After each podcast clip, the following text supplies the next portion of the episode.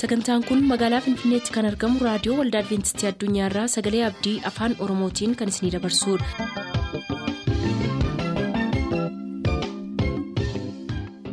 raadiyoo keessan banattaniin kan sagantaa keenya ordofaa jirtan maraan nagaan keenya sinaa qaqqabu akkam jirtu dhaggeeffattoota keenya sagantaa keenyaarraas kan jalqabnu sagantaa macaafni qulqulluu maal jedhaanidha turtii gaarii.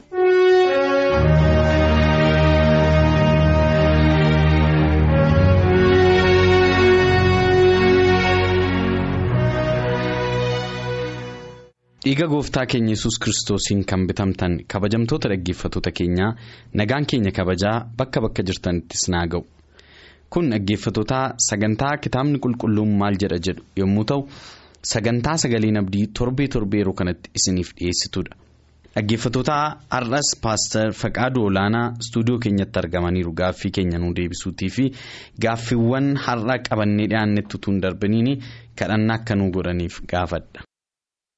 Sagalateeffannaa waaqayyo abbaa irras carraa biraa qabaanne gaaffii karaa adda addaa dhiyaate kana deebisuudhaaf yeroo dhiyaannu hafuurri kee hunduma keenya akka geggeessu sagalee kee keessaa akka jedhutti yommuu gaaffii isaanii deebisnu warri dhaggeeffatan hundinuu deebii kanaan akka eebbifamani ogummaan masaafaa isaan qaban yeroodhaa gara yerootti akkasittiin dabalamaa fi akka adeemuu fi baay'isanii beekuu fi qulqullaa'anii jiraachuusiif akka danda'an. Kana hundumaa pirogiraamii keenya akka eebbistuuf sikiraan maqaa gooftaa yesuusiin ameen.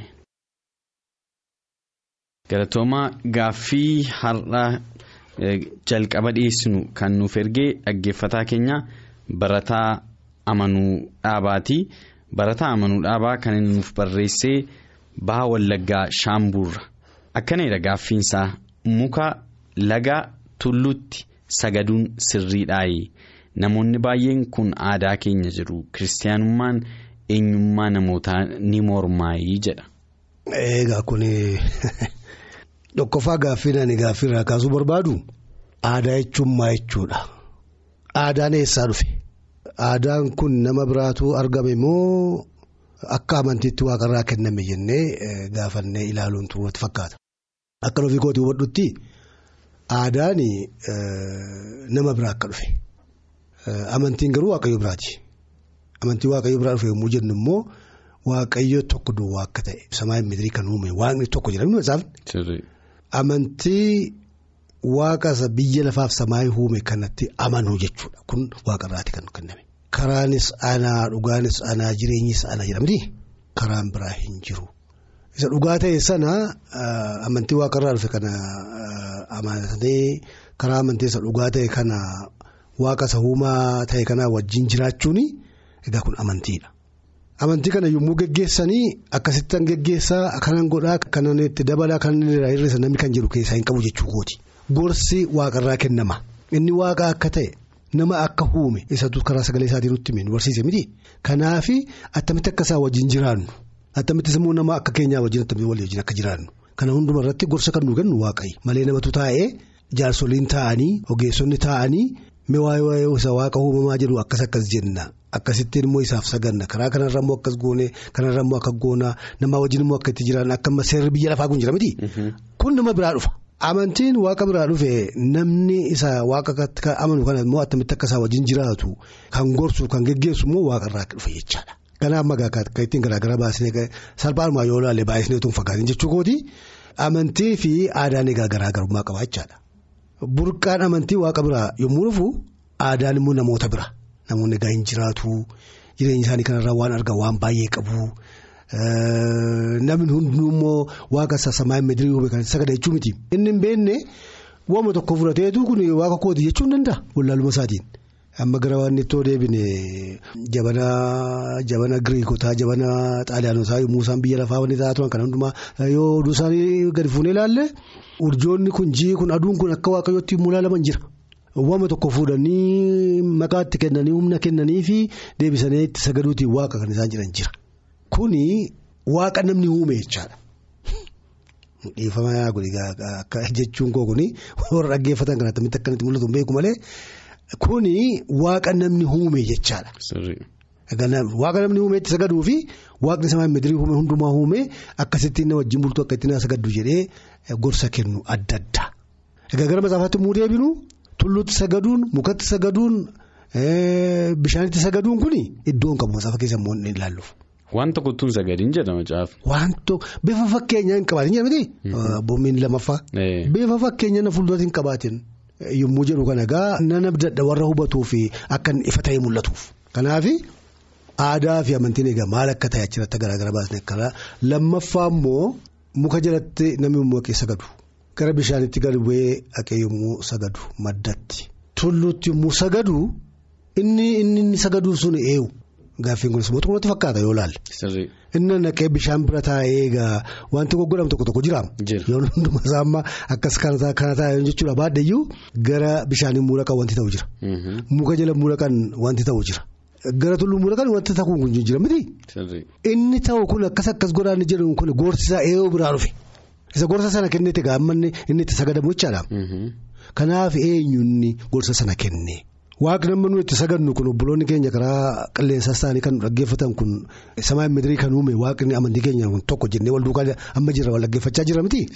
Inni nuuf gorsa nuuf kennee irratti akka isaaf sagannuuf gara bishaaniitti gadi bu'aa haqaa muka jala taa'aa yookiin immoo gara tulluu dhaqaa goraa hin jedhu kanaajii wal dhiita yoo laalleef.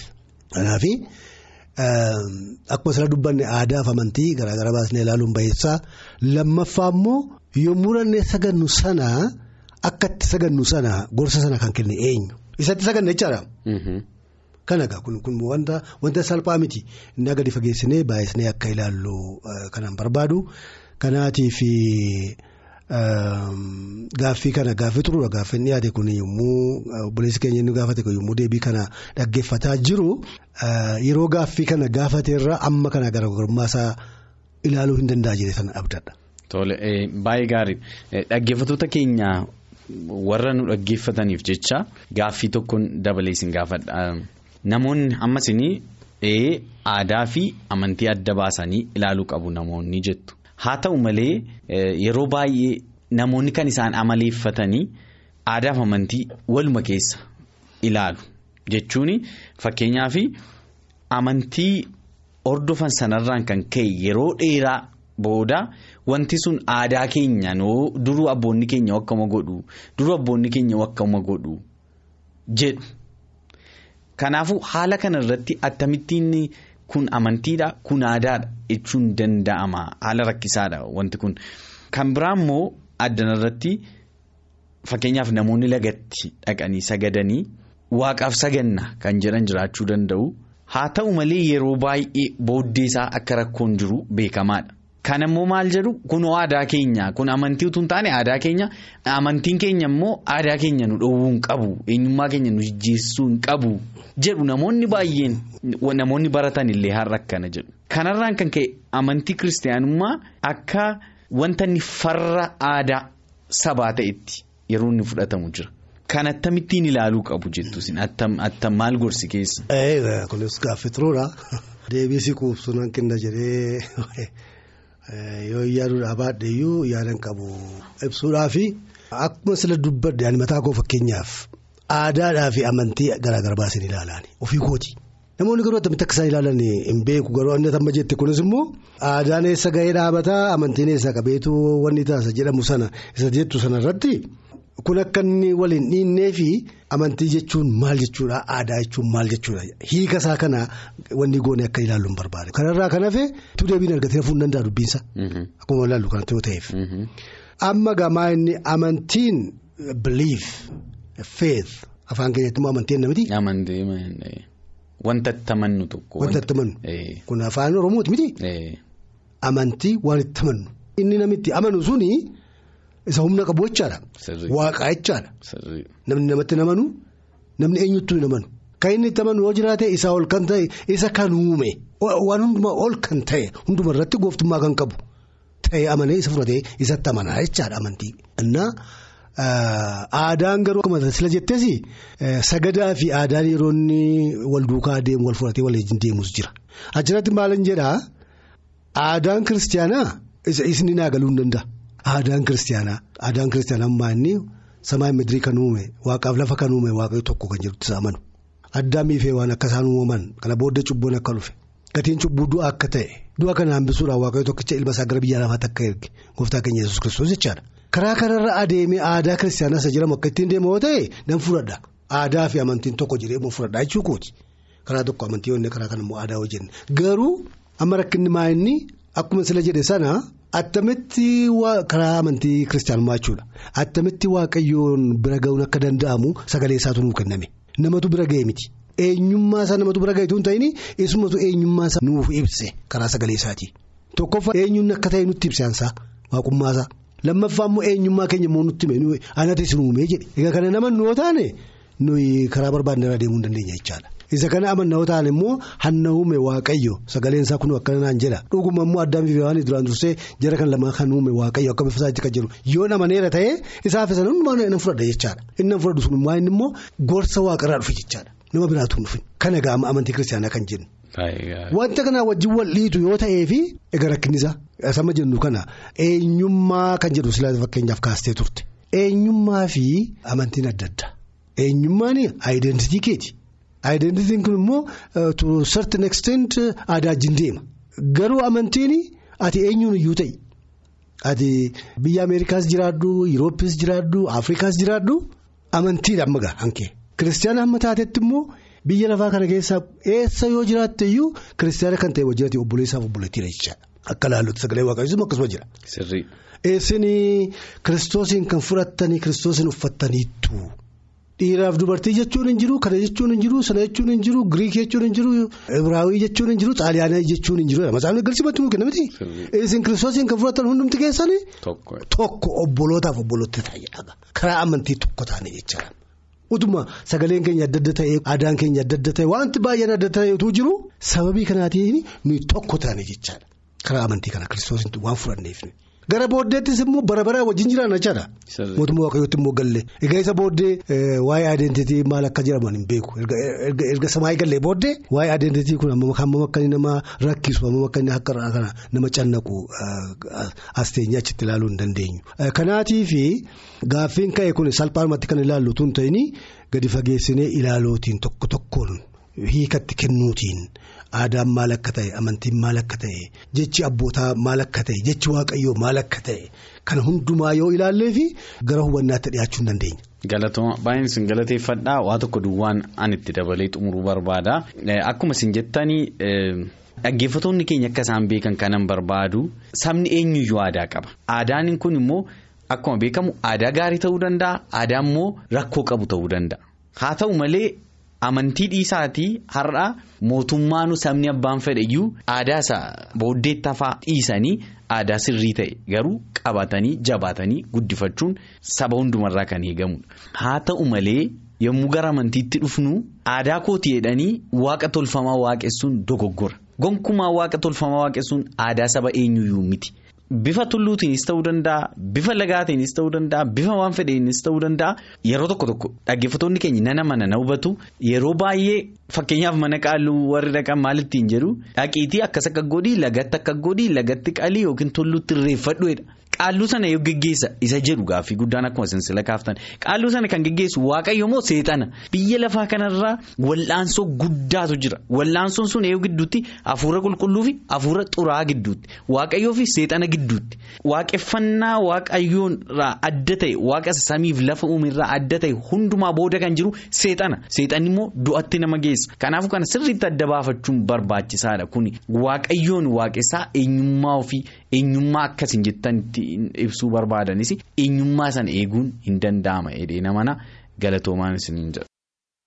Gara gaaffii keenya isattaanutti darbaa gaaffii keenya isattaanu kan ammoo kan nu gaafate barataa waggaarii asaffaa gimbiirraa nu gaafate dhaggeeffataan keenya waggaarii asaffaa gaaffiinsaa qorontoo isa lammaffaa boqonnaa kudha lama. Lakkoofsa torba. Naaf ibsaayii jedha. Mee jalqaba dhaggeeffatootaafan dubbisaa qorontoo isa lammaffaa boqonnaa kudha lama lakkoofsa torba. Akkana jedha. Mul'ata. Hammas hin jedhamne sanaaf akkan ol of hin qabnetti wanti dhagna koo keessa taa'ee na waraanu. Ergaan seexanaa naaf kennamee na rukuta. Na rukutu isaatiinis ol of qaburraa na dhoowwa jedha. Paawuloos kan iddoo kanattis akkana jedhu. Akkan ololoof hin qabnee fi ergaa seexanaatu kan na waraanu kan na rukututu na keessa taa'ee jedha. ergaa seexanaan naaf kenname jechuun paawulos maal jechuudha naaf hin galleedha dhaggeeffataan keenya barataa waggaaree saffaa. Baay'ee xuruura gaaffii xuruura. Asirratti paawulos waa'ee mul'inaa sin dubbata mul'ina guddaa akka argate gara teessoo waaqayyootti mul'inaan akka ol fuudhame achi dhaqeessa arge sana dubbachuun amma naaf hin danda'amnetti hidheeti kan inni dubbatu. Ana cubbamaa tokkoof hangafa cubbamootaa ana jedhaan paawulos. Hangafa cubbamootaa ana kan ta'ee fi kiristoos yesuusin kan lallabanii isaaf kan hojjetanii ari'ataa rakkisaa kanan ture deebii koo naa fudhatee cubbuu koo naa dhiisee hojjetaa isaa akkan ta'e. Lafa dhaabachuun naaf hin taane kan naaf kenne jedhaga amma immoo deebisee karaa ulfina kiristaanummaa isaa kiristoosii fudhachuu isaa booddee booddee sana immoo agarsiisu. Egaa ammaa inni erga deebi'ee booddee waaqayyo cubbuu isaa dhiisee fi iddoo ulfinaa sanatti yoo ol kaa'u fudhatee mul'ata guddaatiin isatti mul'achuun paawuloosiif ulfina guddaadha. Kana ofiisaatiifis argeera namattis himuutiin hammam waaqayyo ulfina akka isaaf kenne kana namarraa hammam akka ol ka'e waaqayyo hammam isaa akka ulfina kenne kana odeessuun nama gidduutti ulfina akka isaaf kennu gochuu hin danda'a. Kana kana dubbachuutiin kana kana yaaduutiin akka hin qoramee immoo hin kufnee fi isa sana akka hin yaadne ulfina waaqayyo naa kenne kanaatiif daa'imman hangaa nama hundumaarra waaqayyo fuudhee mootummaa isaatti ol geessee kana hundumaa na agarsiisuun jedhee yaaduutiin kufaatii keessa akka hin galleefi. Isarraa kan na dhowwootoo naa kenname akka jechuuti asirraa mul'atu. Qoraattii foon keessa kaa'e. Fakkeenyaaf qoraattiin foon keessa taa'e jennu jechisaa kun qoraattiin al tokko si waraana. Isa booddee. Buqqifatu. Haayituun buqqayyoo ture jechuu kooti. Malaa kuusaa waan tokko jedhaa yerootiif xinnoo ishee sitti dhaga'amu takka ture immoo sitti dhaga'ama ta'a. Ammanni. Qoraattii foon keessaa jedhee paawulos dalatii yommuu dubbatu sekondii tokkoof boqonnaa siin kennu jechaadha. Foonni fooni miti. Qoraattiin qoraattiidha. Yommuu ati socho'atu sana inni si waraanan ati immoo socho'uun ni iftu. Kanatu naa kennamee sababii inni naa kennameef iyyuu akka of hin tuulleefi jedhaga kuni hiikanni mataa isaatiif ofiif kennu malee akka of hin tuulleeffatanoo ani qoraattii foon keessi keessi kaa'e kan jedhu waaqayyo kan itti dubbatee hin jiru. Infaakti amma kan inni dubbatu kuni waa'ee ija isaatiiti. Yommuu kiristoos isatti mul'ate ifni guddaan sun ija isaatti yommuu ba'e jaamee ture hamma namni harkisee damaskootti isa geessutti ture miti. Erga akka waan akka. Solloqqee Akka solloqqee erga ija isaarraa bu'ee illee iji isaa sun akka duriitti ilaaluuf hin dandeenye rakkina ijaa qaba. Iddoo tokkotti maal jedha qorattoota kana keessaati al sadiinuu kadhannaa addaatiin fuula waaqayyoo duratti dhiyaadhee jedha fuula kiristoos duratti. Inni rakkate story in the flesh. Yommuu rakkisu narraa fageesse kana narraa balleessiiti sirriitti ilaaluu kan hin caafu ture hin saafsisa. Dabdaabbii ammoo kana saafsisa kana. Inni maa isa guguddaarraa kan lafee isa kaane hin saafsisa. Iddoo tokkottuu inni argitu amma kan gurguddisee isinii barreesse. Sababii ija isaatiiti. Amma kana akka sarraa fagaatuu fi al sadii kadhate jedha. Gooftaan deebii maalii kenneefi karaa isaa erga dhaga'e booddee ayyaanni koo si ga'a. Humni koo dadhabbii keessaa mul'ata kan jedhu deebii kenneef. Isa booddee gahaa hin dhaabe paawulos. Gaafa inni. Maaliif ayyaanni waaqayyoo si ga'a ayyaanni koo si ga'a jennaan ayyaanni waaqayyoo nagaa hin dhiise bakka.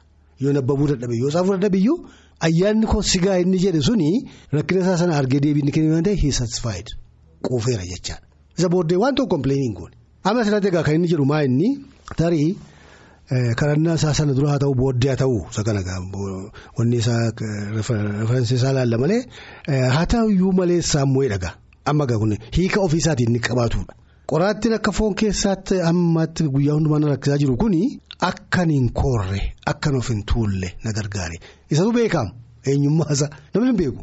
Ani ammatu kun ba'aan kun ammatu fannoon kun tunarra hin jiru ta'ee an dhugumarraa wangeelaa ta'uu nan danda'a beela'uu nan danda'a qorra keessa aduu keessa fagoo dhiyoo beela'ee nan danda'a kana dhuguma kana nan godhaa jedheetu of gaafataa jira amman of beeka jechaadha. Kanaaf akkaan of hin tuulleef kan naaf kenname har'a kana qoraattii foon keessa ta'ee waraanuutiin dhukkubsu ta'ee yoo mul'ate iyyuu ana fayyaduudhaafiidha amma yoo wanni isaa yoo ilaalte konkuluuziin isaa yoo ilaalte.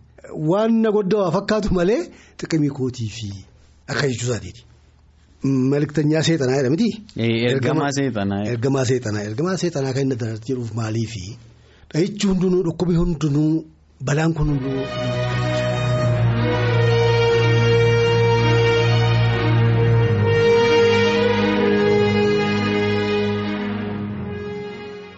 Sagantaa keenyatti akka eebbifamtan abdachaa kanarraaf jenne asumaan xumur. Sagantaa keenya irratti yaaduu qabaattan karaa teessoo keenyaa raadiyoo waldaa adventistii addunyaa lakkoofsaanduqa poostaa 455 finfinnee jedhaanuf barreessa. Raadiyoo waldaa adventistii addunyaa lakkoofsaanduqa poostaa 455 finfinnee.